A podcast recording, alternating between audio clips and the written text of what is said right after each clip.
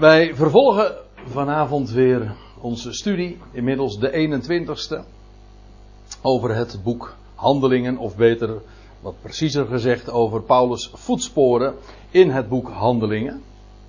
En we waren, zoals ik zojuist ook al eventjes aangaf in mijn gebed, aangekomen in de beroemde reden van Paulus in Athene, die hij gehouden heeft op de Areopagus. Het is, mm, veronderstel ik, wel de bekendste en de beroemdste toespraak die we in het hele boek aantreffen.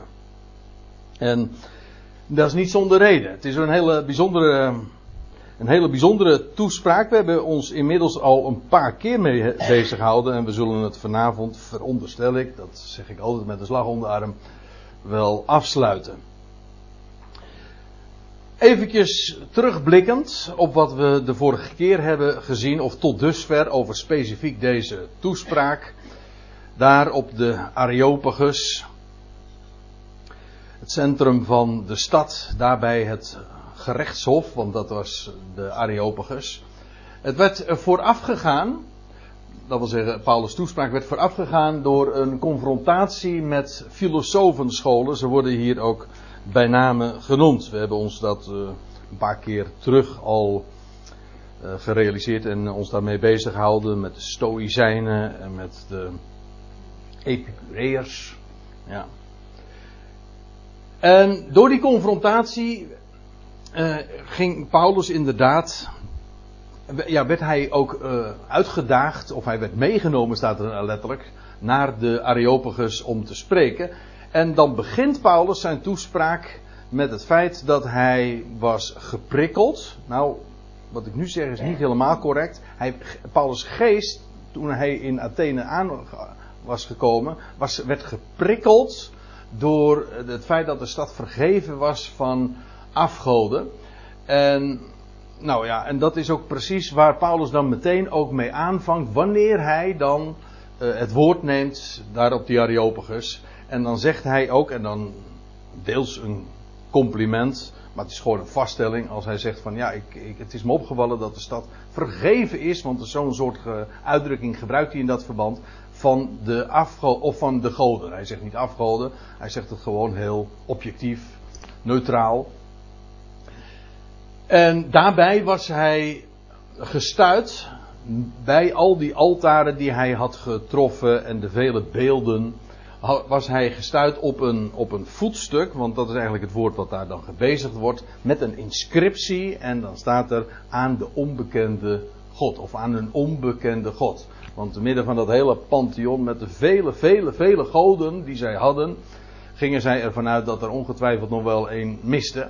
En wel, daar was dat lege voetstuk, want ja, een, afgod, een, een afgod uh, die je niet kent, die kun je ook niet afbeelden, die kun je ook niet... Um, daar kun je ook geen beeld van maken. Dus het was een lege, lege sokkel, stel ik me zo voor. En daar, vandaar dus die inscriptie. Wel daarover, over het onbekende God, daar wilde Paulus hen mee confronteren. Want het loutere feit dat zij vele goden kenden, betekent dat zij per definitie dus onbekend waren met de God. Het hele punt is dat God God is, omdat er maar één is die zijn macht en zijn vermogen niet hoeft te delen, niet met twee of met duizend of met een miljoen. Nee, hij is de enige. En daarom is hij ook de alvermogende. En dat wat hij zich voorneemt, kan niet gedwarsboomd worden door een ander. Hij is de enige God. En daarom, met recht ook God. En ik zelf heb me de gewoonte ontwikkeld om dat met allemaal hoofdletters te schrijven. Waarom? Om daarmee aan te geven, er is er maar één van. Oftewel, de God. Het is dus eigenlijk zo, of je, uh, je kent geen God, of je kent de ene God. Uh, meer smaken zijn er niet. Want als je namelijk meerdere goden hebt, ja, dan ken je God dus niet. Namelijk degene die werkelijk het waard is om zo aangemerkt worden. Die werkelijk dus God is. God als God. We komen daar trouwens nog vanavond op terug. En ja, dat is dan ook inderdaad dus Paulus binnenkomen. Hij met die constatering begint hij zijn toespraak. Vanwege het feit dat hij dat dus was tegengekomen. En wat hij dan over hen zegt, over die ene God, die hen dus onbekend is. Hij zegt, dat wat jullie dan zonder te kennen vereren, die verkondig ik jullie. En daarvan zegt hij dan, en daar hebben we het zo, eh, zo de voorgaande keer met name ons mee bezig gehouden. Hij is de schepper van hemel en aarde en ook heer van hemel en aarde. Dat wil zeggen, hij is de eigenaar daarvan. En ook de beschikker. Hij woont, tegenwoordige tijd, niet in tempels. Sowieso niet in tempels. Want voor zover God woonde, woonde in een tempel, was dat er maar één. Maar God woont niet, zegt Paulus, daar uh, in tempels met handen gemaakt. En ja, nou ja, dat is dus. Uh, dat, dat heeft er ook mee te maken, want dat is wat hij daar ook, ook over zegt. Want hij is daarin niet te, te vangen. En het is trouwens opmerkelijk dat Paulus niet ene keer in deze toespraak verwijst naar de oud-testamentische schriften. Nooit. Hij, het heel de toespraak is gebaseerd op de schrift, maar hij refereert er niet aan. Ik kom, ook daar kom ik nog eventjes op terug, maar nog even dit. Uh, van die God zegt hij, hij heeft geen therapie nodig, want dat is het woord wat er letterlijk gebruikt wordt. Heeft, hoe stond het ook alweer in de vertaling? Uh, hij laat zich ook niet door mensenhanden dienen, ja. Maar dat staat eigenlijk het woordje verzorgen. Ja, verzorgen, of nou ja, nee, het woordje therapie. En hij eh, heeft geen assistentie nodig. Kijk, wat Paulus doet eh, in deze toespraak is alle schijnwerpers zetten op het feit dat God werkelijk de alomvattende is, de beschikker van alle dingen, degene die aan het begin van alles staat en die werkelijk de ene is. En feitelijk als, als, als een Jood was hij daar natuurlijk, ja, hij stond daarmee op en hij ging daarmee naar bed met het Shema, met het besef, er is één God. Nou, dat is de waarheid die hij daar neerlegt. Hij wil nog verder komen, hij wil daar nog meer over vertellen, maar dan wordt hij abrupt onderbroken. Maar dat zullen we vanzelf nog wel zien. Maar dat is wat zo opvallend is. Die God kenden zij niet. Ze waren religieus, maar dat is wat anders dan dat je de God kent. Wel, die heeft geen therapie nodig, geen assistentie. Waar aangezien hij zelf namelijk aan allen, uh, en dan moet hier een L natuurlijk nog voor staan, leven, adem en alles geeft. God heeft niet iets nodig of iemand nodig. Nee, hij is zelf de bron en de gever van en leven en adem en mocht je uh, nog iets ontgaan zijn, dan zegt Paulus wel alles. Dus noem maar iets wat je hebt of wat je bent. Het is, vindt alles per definitie zijn bron en oorsprong bij hem. Bij wie anders? Ja, dat is, dat is geweldig natuurlijk om, om je daarvan bewust te zijn. God heeft niet ons nodig, Hij is degene die geeft. Maar dan ook werkelijk alles. In, uh, in het verleden, in het heden, in de toekomst gewoon alles. Nou, dat is, deze waarheid je goed bewust zijn, dat is echt de basis van alles.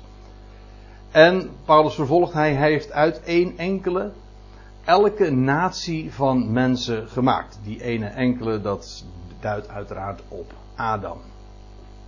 Hij is de stamvader van elke natie van mensen. En hij heeft. En nu heb ik weer een beetje een fout gemaakt. Hij, uh, hij heeft de mensheid. Want daar gaat het over. Elke natie van mensen heeft hij de hen toegemeten uh, tijden gegeven.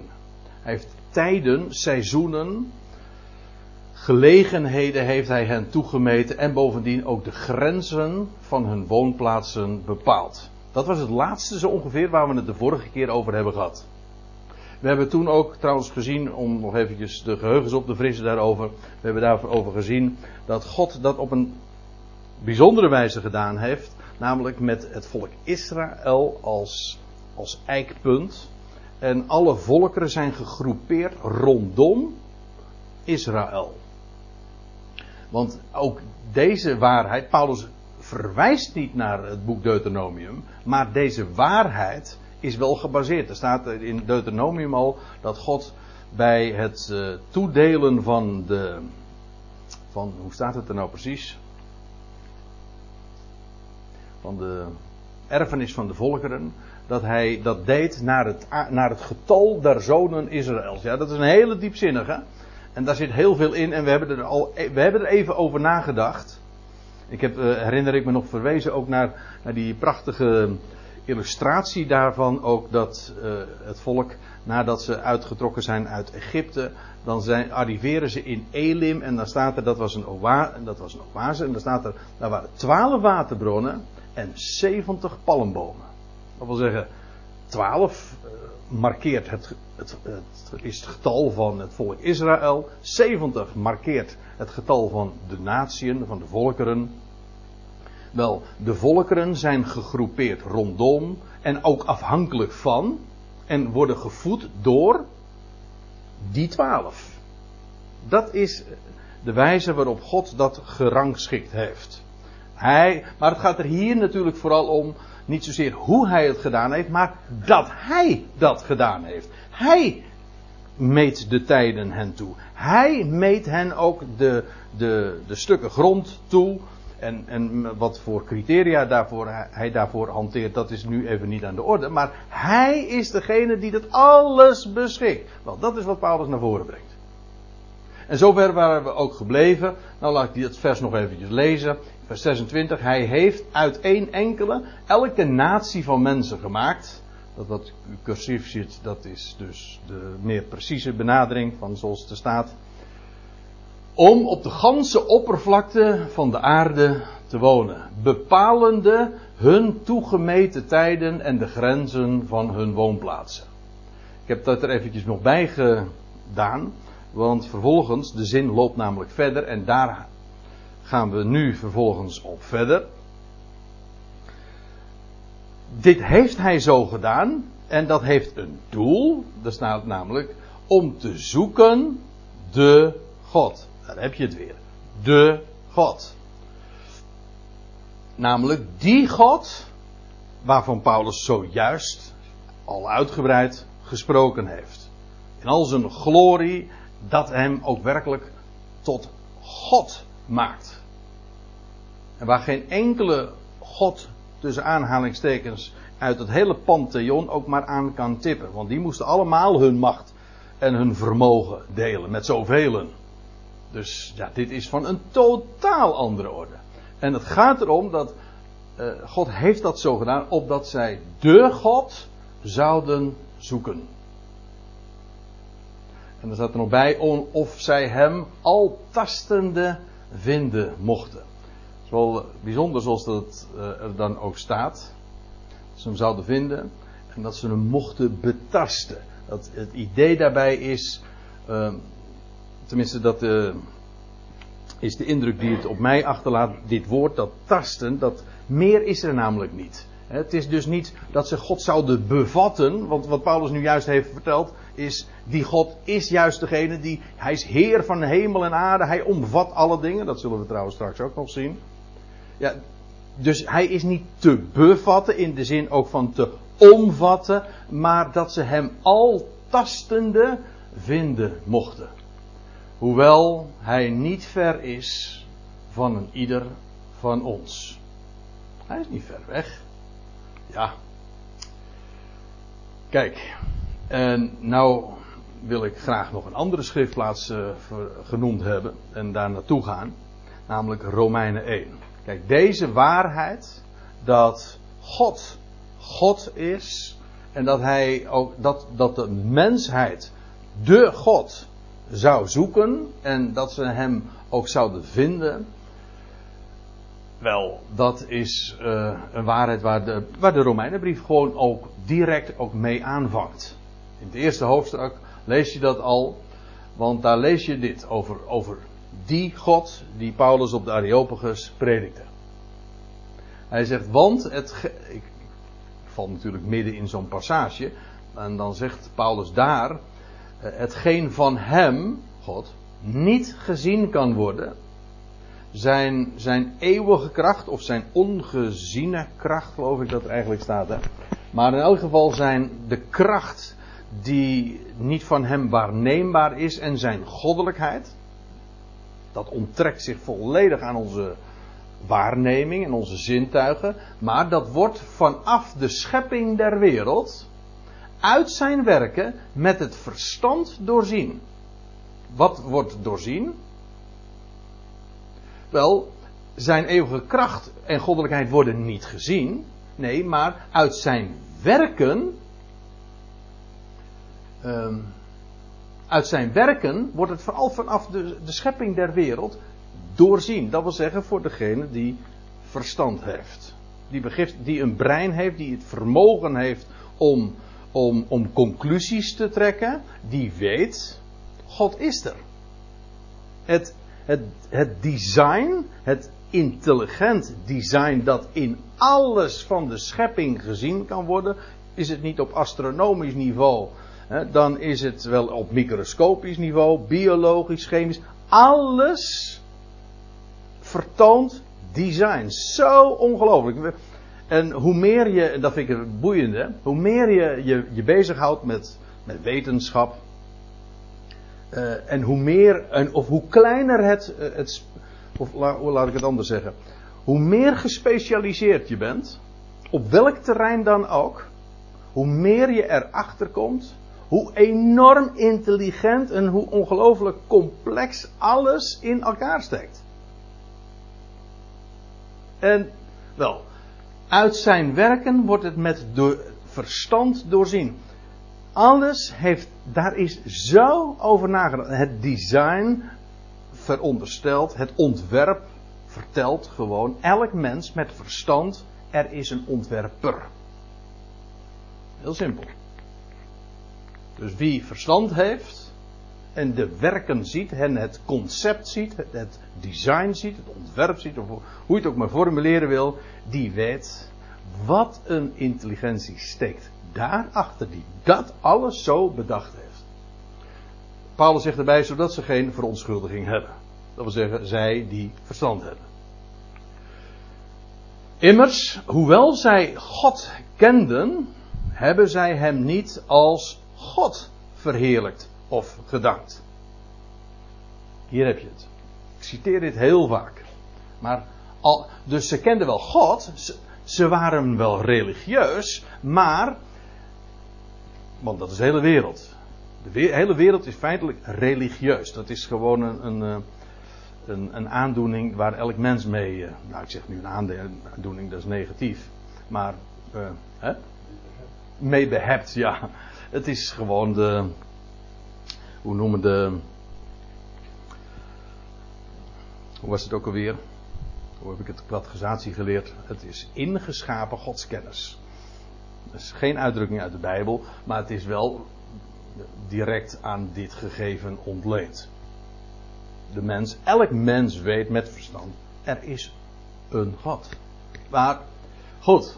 Maar, sorry? Ze hebben een geweten ja, ze, ze weten het. Ja, ze en een geweten betekent eigenlijk een medeweter. Ja, dus een mens weet iets samen met God. Conscientie betekent eigenlijk, hè, dus ook het Griekse woord, dat betekent eigenlijk meeweten. Dus God heeft wetenschap, dat wat hij weet, heeft hij ook in de mens gelegd. Zodat een mens met God weet dat hij er is. En wel, maar die God, die hebben zij vernederd. Dat is trouwens de rest van, de, van het vervolg van de Romeinenbrief, of van het vervolg van deze passage, waarin staat dat ze de, de schepper niet uh, eigenlijk gedegradeerd hebben tot het niveau van een schepsel. En dus niet als God verheerlijkt hebben. Ze hebben, hoewel ze God kenden, hebben ze hem ook niet, al, hebben ze hem niet als God verheerlijkt. Dat wil zeggen, de heerlijkheid geeft die hem als God toekomt of gedankt. Hij is de plaatser, de beschikker van alle dingen. En dat betekent dus dat de logische consequentie daarvan is dat je hem de eer daarvoor geeft. De credits. En dat je hem dankt voor alles wat je krijgt. Want, hoe was het ook alweer? Leven, adem, alles krijgen wij van hem. En dus, je krijgt het en dus past het slechts dankbaarheid. Als God, diegene die alles goed en kwaad beschikt en dat plaatst. Dat is zo bazaal, zo elementair. Dat is het fundament van alles. God als God verheerlijken of danken. En maar hun overleggingen, hun redeneringen, staat hier eigenlijk, dialogen, zijn op niets uitgelopen. Daardoor, en het is duister geworden in een onverstandig hart. Dat is de consequentie dus van God niet als God verheerlijken of danken. Dus je kunt hem wel, je kunt wel God verheerlijken in de zin van religieus zijn, maar als je dat niet als God doet, wel de consequentie ervan is dat je, ja, je, de, je dialogen, je redeneringen, die lopen op niets uit, worden verijdeld, worden leeg. Dus je denken is niet effectief meer, dat is het idee. Het wordt ijdel. Het uitgangspunt is niet uh, juist en dus uh, alles waar het toe leidt is per definitie ijdel. Je bent namelijk vals. Val, je hebt een valse start gemaakt, zodat. Dat is net als met de, in de wiskunde. je maakt een som, maar als je niet je uitgangspunt juist is, ja, dan klopt er dus van het resultaat ook niks. je, de overleggingen lopen op niets uit en de consequentie daarvan is ja, dat je hart daarmee dus onverstandig is. En bovendien dat het donker wordt. De enige manier waarop je het licht schijnt in het hart is wanneer je Hem als God verheerlijkt. Hem de credits geeft die hij hem toekomt, namelijk als God, als de beschikker en plaatser van alles. Dus je kunt het natuurlijk ook positief zeggen, als je Hem als God verheerlijkt, dan heb je een verstandig hart en bovendien, je redeneringen worden dan effectief. En bovendien wordt het licht in je hart. Dan wordt het hier, gaat het hier stralen. Gaat het schijnen. Dan heb je, heb je een zin. Van, een, je bestaan heeft zin. Je hebt een toekomst. Waarom heb je een toekomst? Wel, dat is, hij is God. En hij, hij is degene die begaan is met zijn schepping. Want dat is allemaal dat is allemaal de consequentie van de waarheid dat hij God is, die niet laat varen de werken van zijn hand. Als je dat weet, dan, is, dan, dan straalt er licht in overvloed uh, in, in je hart. En dan is het inderdaad, dat is het met recht, dan ga je effectief en ook positief denken. Want God is degene die alle minnen plussen maakt. Toch? Ja, daar is hij namelijk God voor. En, en het geweldige is, je kan wel religieus zijn, maar er zijn heel veel mensen, en ook in ons uh, lieve vaderland, die weliswaar religieus zijn, maar ze verheerlijken God niet als God. Want ze denken, ja, God wil dat wel, maar hij kan dat niet. Of hij is afhankelijk van de mens in zijn plannen. Je moet het wel willen. God wil dat alle mensen gered worden. Ja, maar dat gebeurt niet. Want een mens moet het ook maar willen. Dus een, een, mens of het schepsel kan een spaak in het wiel steken van Gods voornemens. Nou, dan vereer je God niet als God. En de consequentie is dat het duister wordt in je hart. Het is ook heel onverstandig. Of zeggen van, ja, God, God heeft alles gemaakt. Maar ooit in het begin is het fout gegaan. En dat had, ja, toen moest God overschakelen op plan B. Zo'n concept dan vereer je God niet als God. Nou, en dan kun je op je vingers uittellen wat er de consequentie daarvan is. Dan worden je redeneringen ijdel. Misschien academisch zeer verantwoord. Je kunt er bibliotheken vol mee schrijven. Je kunt er titels mee halen. Maar je redeneringen lopen op niets uit. En, en nog erger is het dat het duister wordt. En ook nog eens heel koud. Maar dat is broertje en zusje. Duisternis en kou. En licht en warmte daarentegen. hoort ook bij elkaar. Ziet u hoe belangrijk het is om die om de God te zoeken. En hij laat zich vinden. Want hij is niet ver van een ieder van ons. Dat is wat Paulus zei. En Paulus motiveert het trouwens vervolgens op de, in de toespraak ook. In de toespraak bedoel ik in de, op de Areopagus. Want zegt hij, hij, dus er stond, hij is niet ver van een ieder van ons. En dan vervolgt Paulus, want in hem leven wij en bewegen wij ons. Geen mis op, waar je ook naartoe gaat. Het is allemaal. Hij, hij omvat het. In hem. Leven wij, bewegen wij. Ik zal twee passages daarvoor uh, noemen. Kijk, Paulus refereert niet aan de schrift, maar wij, wij weten maar al te goed dat Paulus deze dingen kon vertellen, juist omdat hij de schriften kende. Hm? Job 12, wat dacht u van deze? Dat vind ik een mooie. Wie onder, onder deze alle.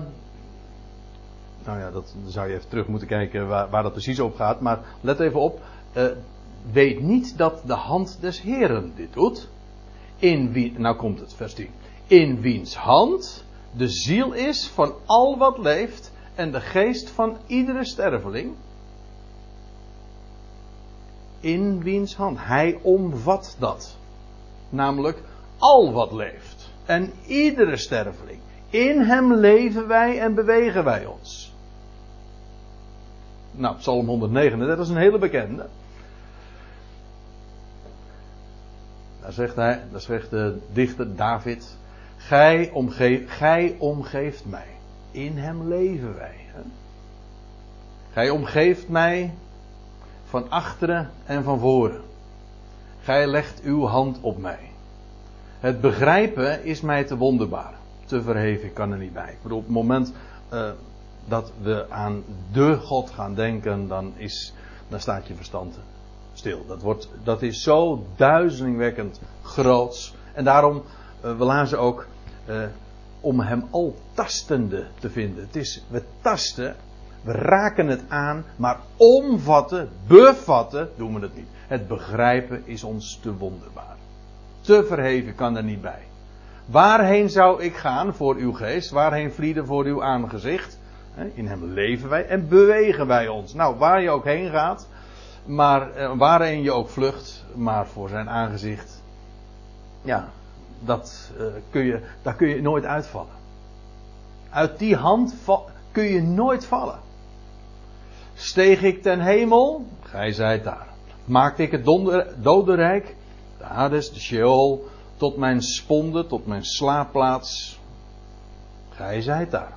Dus of ik naar daar naartoe beweeg, of dat ik helemaal uh, naar beneden toe beweeg, zo ver als, ik, uh, als, als, als het uh, zich maar laat denken. Wel, het, het maakt geen verschil, want in al die gevallen, Hij is daar. Hij is er. Eigenlijk is dat ook een, een van de gedachten die de godsnaam met zich meebrengt. Yahweh, dat is ik ben die ik ben. Maar er zijn die zeggen dat de gedachte daarachter is ik ben er. Ik ben er. En waar je ook gaat en waarheen je je ook beweegt, ik ben er. Ik omvat dat alles. En nam ik vleugelen van de dageraad of ging ik wonen aan de uiterste van de zee. Dat wil zeggen daar, waar de zee ophoudt. Dus aan daar waar het land weer begint. Hè, dat is het idee dan. Dus aan de andere kant van de zee. Wel, ook dat maakt geen verschil. Ook daar zou uw hand mij geleiden. Uw rechterhand mij vastgrijpen. Schitterende woorden. Maar dat is God als God eren en kennen.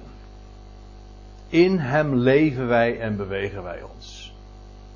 En Paulus zegt er dan bij, dat is leuk hè, gelijk ook enige van uw dichters hebben gezegd. Hij had natuurlijk ook kunnen zeggen, als hij in de synagoge was had hij gezegd, gelijk geschreven staat, dan had hij gezegd een Job, en dan had hij naar Psalm 139 gaan, dat doet hij hier niet. Nee, Paulus weet waar hij mee bezig is. Hij staat hier voor, in een gezelschap die de schriften totaal niet kennen. Er had ook geen enkele zin om daarna aan te refereren. Paulus baseert zich op de schriften, maar hij verwijst, hij refereert slechts naar hun eigen geschriften. Voor zover dat dan bruikbaar was. En als hij dit zegt, dit is een, een woord ehm, van een Epimenides. Ik heb daar verder nooit wat van gelezen, maar als Paulus dit zegt, gelijk ook enige van uw dichters hebben gezegd, dan is dat allemaal te traceren. Die boeken en de geschriften, die zijn nog steeds uh, onder ons. En ja, dit heeft zo'n dichter, zo'n Griekse dichter uh, gezegd. Even kijken hoor. Ja, het is inderdaad een dichter. Hè?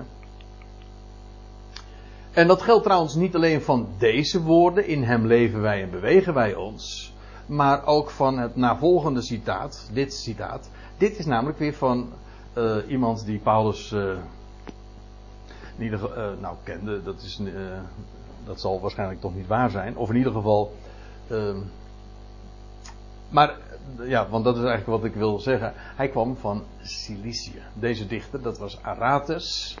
En dat was uh, Cilicië. U weet het, dat was de plaats of de provincie waar uh, Tarsus een welbekende stad in was. Lees je in handeling ergens. Dat Paulus zegt, ik kom uit Tarsus, een welbekende stad in Cilicië. Wel, uit die landstreek waar Paulus zelf vandaan kwam, kwam ook deze Aratus en die had ooit deze woorden gedicht. En met deze zin, wij zijn ook van zijn geslacht. En dan doelde Aratus op een godheid. Een godheid, dat wil zeggen een van hun goden. En daar gaat Paulus verder niet op in, maar hij haalt dat aan om daarmee, aan, om, om, uh, daarmee ook aansluiting te zoeken en te vinden bij dat wat hun eigen uh, helden, intellectuele helden of culturele helden, hun eigen dichters ook hebben geformuleerd. Paulus zegt dit dus, uh, hij spreekt het uit en bevestigt feitelijk wat zij daarover hebben gezegd.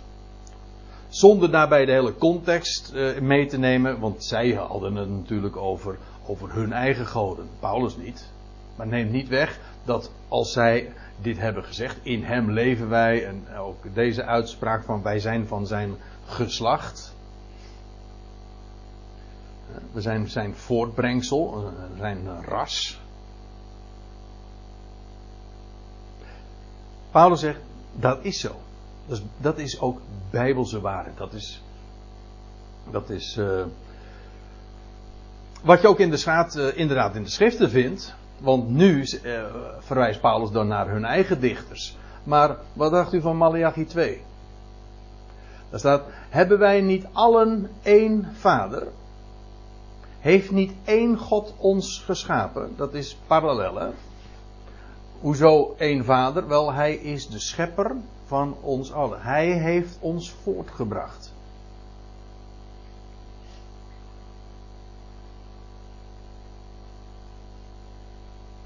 Het is een, een heel uh, bijzonder woord toch wel, als, we, als je daar goed over nadenkt. Dat Paulus dat zo met instemming dus zegt. Hè? Um, daar wij dan van Gods geslacht zijn. Dus, want eerst citeert hij die Eratus uit Cilicië. Maar dan bevestigt Paulus dat door te zeggen, daar wij dan van Gods geslacht zijn. Dus Paulus zegt, dat is zo. En let op, dit zegt hij dus van dat hele gezelschap. Wij, hè, hij spreekt over uh, zichzelf, sluit hij daarmee dus in. Maar ook, let op, degenen die daar allemaal naar hem luisteren. Hij zegt, ik, maar jullie net zo goed, wij dus, zijn van Gods ras, van Gods soort. We zijn van Hem afkomstig. Hij is onze Vader. En dat zijn niet alleen maar zijn dicht, uh, hun dichters, maar dat is ook bijbelse waarheid, zoals ik dat net liet zien uit Malachi 2. Hij is onze vader. Oh, ja. Dat wou ik er inderdaad nog even bij zeggen, want natuurlijk zou je kunnen zeggen, is het niet zo dat, uh, dat Gods kinderen, dat dat slechts gelovigen zijn? Dat is een goede vraag. Kijk, als je hier ziet, in Malachi 2, zijn eigenlijk alle schepselen kinderen Gods. Waarom? Omdat Hij ons gemaakt heeft. Maar, je kunt, dat is de schepping. Er is ook een nieuwe schepping, zoals Paulus daar ook over spreekt. En dan geldt inderdaad, als je het spreekt in de termen van het nieuwe leven, ja, dan zijn slechts gelovigen kinderen Gods. Ik verwijs hier naar Johannes 1, maar ik zou heel wat meer schriftplaatsen, met name uit de Johannesbrieven kunnen noemen, waar dat zo staat. Hè? Van, um, hoe is het? Uh, zoveel hem ontvangen hebben, ja, ik weet het, de meeste vertalingen zeggen dan aangenomen, maar zoveel hem ontvangen hebben, heeft hij recht gegeven, volmacht gegeven, kinderen Gods te worden. Dat zijn ze dus niet, maar dat worden ze. Jawel, maar dan heb je het over dat nieuwe leven. Oh, daar gaat, daar gaat het echt over. Um, Paulus, eh, nee, dat zegt dan Petrus weer, dat wij wedergeboren zijn eh, door de opstanding van Jezus Christus. Dan praat je dus over, over het leven aan de andere kant van het graf. Wel, dat nieuwe leven wordt slechts gekend door de gelovigen. Nu. Maar als het gaat om de schepping, gewoon de oude schepping, dan kun je zeggen, alle mensen zijn inderdaad kinderen Gods. Staat hier ook in Efeze, heel kort Ja. Efeze 3, vers 14 en Ja, oh, dat- En knieën voor de Vader naar wie alle geslacht in de hemel en op aarde genoemd. Hoe had ik het kunnen, heb ik het kunnen missen? Ja, dat is een hele mooie, hele mooie. staat Ja. ook in, eh, in Lucas 3 dat Adam de zoon van God genoemd Ja, Adam was de zoon van God. Ja. Ja, en dus, ah, wij zijn uit Adam, dus wij zijn van zijn geslacht. Dus, de, ja, het is niet alleen Malachi 2. Ja, die is heel mooi, die ook uit Efeze 3. En naar wie alle geslacht in hemel en op aarde genoemd wordt. Eh, el- Eigenlijk staat letterlijk uh, patrias, er staat het, het woordje vaderschap, hè? Ja, nou wie elk vader, dus het vaderschap is, elk vaderschap is, vindt zijn model, zijn, zijn, eh, zijn prototype in hem. Ah? Ja, het wordt genoemd naar hem. Kijk, wij, kijk, meestal eh, denken we dat het anders is. Eh, dan zeggen we, eh, ik denk dat het idee vrij gebruikelijk is om te zeggen van ja, waarom noemen we God vader? Wel, omdat wij hier vaders kennen.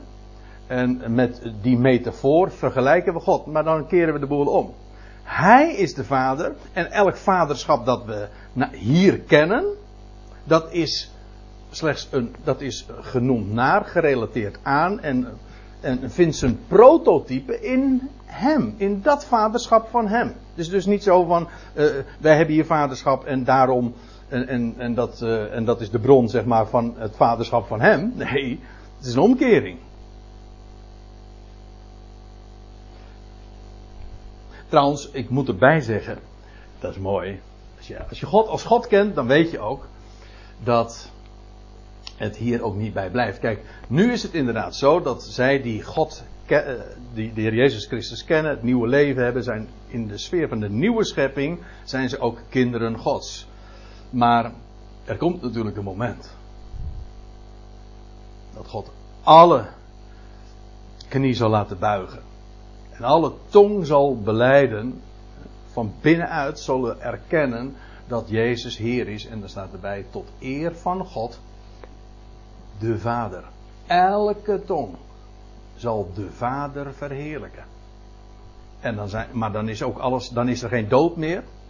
Want die is dan als laatste vijand ook teniet gedaan. Dan leven allen. Dat wil zeggen, het, het leven dat Christus aan het licht bracht. Dat zal dan het deel zijn van elk mensenkind. Dus ook, en als oude schepping, en in de sfeer van de nieuwe schepping. Dan is het waar, Hij is Vader. Hij is de Vader van elk mensenkind. En zoals God vandaag alles is in Christus, heel de volheid van de Godheid woont in Hem lichamelijk. Zoals, moet je voorstellen, ik weet nauwelijks wat ik nu zeg, ik weet alleen dat de schrift zegt. God, de ganse volheid van de Godheid woont in Hem lichamelijk. Maar de Bijbel zegt, dan, bij het einde, dan wordt God alles in allen. Zoals hij nu alles is in Christus. Eh, laat ik het nog anders zeggen. Ooit, voor, voor de, de tijden der Ionen, was God alles in zichzelf. Nu woont al de volheid van de Godheid in hem lichamelijk. Er komt een moment aan het einde dat God alles is in alles. Zoals hij nu alles is in zijn zoon, zal straks God alles zijn in elk mensenkind. Dat is de status dus van de mensheid. We zijn van zijn geslacht, vergis je niet. We, hebben, we zijn allemaal van adel dus. Ja, het is maar hoe je het bekijkt. Ja, ja. ja. Petrus, ja. Ja, dat zeker, ja. Maar wat een status, hè? wat een verhevenheid geeft hij. Van zijn geslacht. En. Ja, maar hier zegt Paulus dat dan toch zomaar. Moet je nagaan. Paulus, die wordt daar op het podium getild, om het zo eventjes uh, plastisch uit te drukken, daar op de Areopagus. Hij vertelt ze. Hij heeft, nog, nog niet eens de naam van Jezus gesproken, trouwens, die spreekt hij helemaal niet uit op deze, tijdens deze reden. Je kunt zeggen, daar is hij ook niet aan toegekomen, akkoord. Maar wat hij zo in zo'n toespraak meteen al onderstreept. De godheid van God, maar ook wat de mensheid is voor God. Heel de mensheid. En dan, dan denkt Paulus dus inclusief. Hij zegt wij en al die Griekse filosofen en al die gasten die daar stonden. Hij zegt wij zijn van Gods geslacht. Dat zou een evangelist van evangelische snit of een van Calvinistische of Rooms-Katholieke snit niet zo zeggen. Nooit. Nee, dat, dat, zo gaat dat niet. Nee, maar Paulus zei het wel. Dat is toch geweldig? Wij zijn van Gods geslacht, vergis je niet. Hij, zo van, hij kon ze allemaal zo van het podium af en gefeliciteerd. U bent van Gods geslacht. Zo'n enorme hoge status. Nou, dat eigenlijk, en, en die oorsprong, ja, dat bepaalt ook de bestemming natuurlijk. We zijn van zijn geslacht. Ja, wat dacht u wat? God voleindigt dat wat hij begint. Als je God als God kent, weet je dat. Is dat, is dat eigenlijk ook allemaal zo logisch? Het mooie is, het wordt ook gewoon allemaal bevestigd in de Bijbel. Maar ook al zou je alleen maar logisch hieruit redeneren, God als God, dan, dan kan dat niet missen. Dan is 1 en 1 2. Dan is dat gewoon de waarheid. Een kind kan het begrijpen. Als God aan het begin staat, er is er maar één. Dan weet je toch dat alles goed moet aflopen. Ja, of er is. Ja, of er is niet e- één God. Er zijn er meerdere. Ja, dat wil zeggen, er zijn mensen, er zijn wezens die de wil van God kunnen blokkeren of dwarsbomen. Ja, maar dan heb je meer goden. Dan heb je niet meer één God. En dan, nou, maar daar hadden we het de vorige keer al over. Zij die zich monotheïsten noemen. Ik bedoel, christenen zeggen dat. Dat zijn het niet. Sorry, dat is een hard woord, maar ze zijn het niet. Het zijn feitelijk verkapte polytheïsten. En als u niet geloven wilt, dan moet u het maar eens een keertje aan uw collega moslim vragen. Die zeggen dat ook hoor. Die weten dat. Goed, laten we even verder gaan. Daar wij, van, daar wij dan van Gods geslacht zijn, moeten we niet menen. Uh, ja, moeten we niet menen dat de Godheid. Moet ik het even goed lezen hoor. Ja. Zijn we niet, uh, zijn, zouden we niet veronderstellen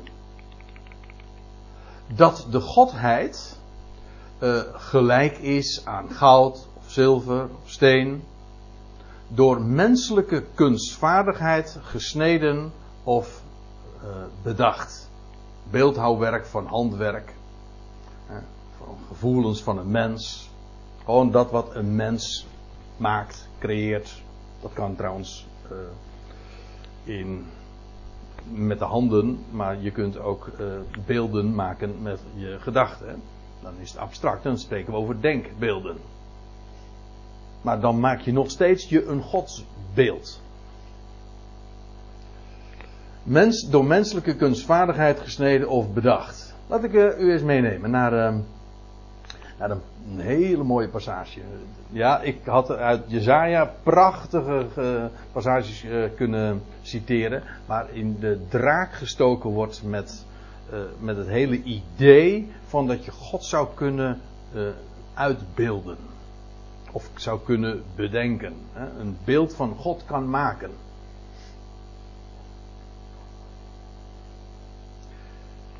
Maar Psalm 115, daar, zegt, daar staat dit. Onze God is in de hemel. Hij doet al wat hem behaagt. Hoor, het goed, hè? Hij doet al wat hem behaagt. Ja, en omdat hij God is, kan hij ook doen wat, al wat hem behaagt. Want er is niemand die hem daarvan uh, kan, in kan verhinderen omdat hij God is. De ene. Ja. En er staat, Job zegt dat trouwens ook. En ik weet, zegt hij dan aan het einde. Ik weet dat geen uw plannen wordt verijdeld. Hun afgoden, van de natie, zijn zilver en goud. Precies waar Paulus het ook over had in, in, op de reden, in de, op de Areopagus dus.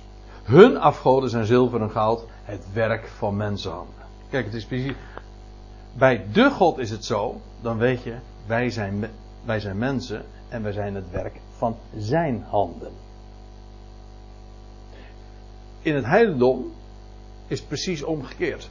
Daar zijn de goden creaties van mensen. Werk van mensenhanden. Ze hebben een mond, maar ze spreken niet. Ze hebben ogen, maar ze zien niet. Ze hebben oren en horen niet. Ze hebben een neus, maar ze ruiken niet. Hun handen, maar ze tasten niet. Hun voeten, maar ze gaan niet. Nou, dit is dus precies wat het grote probleem is met die goden. Ze zijn dus met recht. Um, ja, ze zijn stomme goden. Hè? zijn hele stomme goden. Ze, zeggen, zijn, ze zijn nietszeggend. En dat bedoel ik dus heel dubbelzinnig. Ze zijn nietszeggend. Ze kunnen niets. Onze God is van een heel andere orde. Hij spreekt. Als hij spreekt, dan gebeurt het ook. Het is, zijn woord is kracht, is levend. Hij ziet, hij hoort, hij ruikt. Ook dat lees je in de Bijbel. Hij tast, gaat, hij gaat zijn weg. Hij is God. Psalm 94. Dat is ook zo mooi. Dat is ook zo'n hele mooie logische. Zou hij die het oor planten? niet horen. Dat is een hele mooie ook als je. Ehm, ik heb dat ooit uh, zelf uh, ondervonden toen ik in gesprek was met iemand die uh, ja, erg gecharmeerd was van het boeddhisme en, en God zag als een, als een onpersoonlijke kracht. Niet iemand die lief heeft, niet iemand die hoort. En dan vind ik het zo mooi wat je leest in Psalm 94. Dat is van zo'n krachtige logica. Zou hij de oorsprong van ons, want dat weten zij ook, eh, dat kennen zij daar in het oosten ook al. Dan zeggen ze wel, ja, hij is ons oorsprong. Maar zou hij, zou degene die het oor plantte zelf dat niet horen? Zou hij die het oog vormde niet zien? Hij die ons het vermogen geeft om lief te hebben, zou hij zelf niet lief hebben? Zou hij die de volkeren onderwijst niet straffen? Ik heb trouwens gezien, in het staat eigenlijk corrigeren. Waarvan akte, zal ik maar zeggen. Zou hij die de volkeren onderwijst niet corrigeren, niet terechtwijzen? Hij die de mens kennis leert? De Heere kent de gedachten van de mensen. Ijdelheid. Niks. Lucht. Dat is het. Voor zover een mens wat weet, dan is het omdat hij uh, zijn oor heeft te luisteren gelegd bij wat God te melden heeft. Zijn woord. Dat is krachtig. Nou. Zullen we eerst even pauzeren? Dan gaan we straks bij vers 30 verder.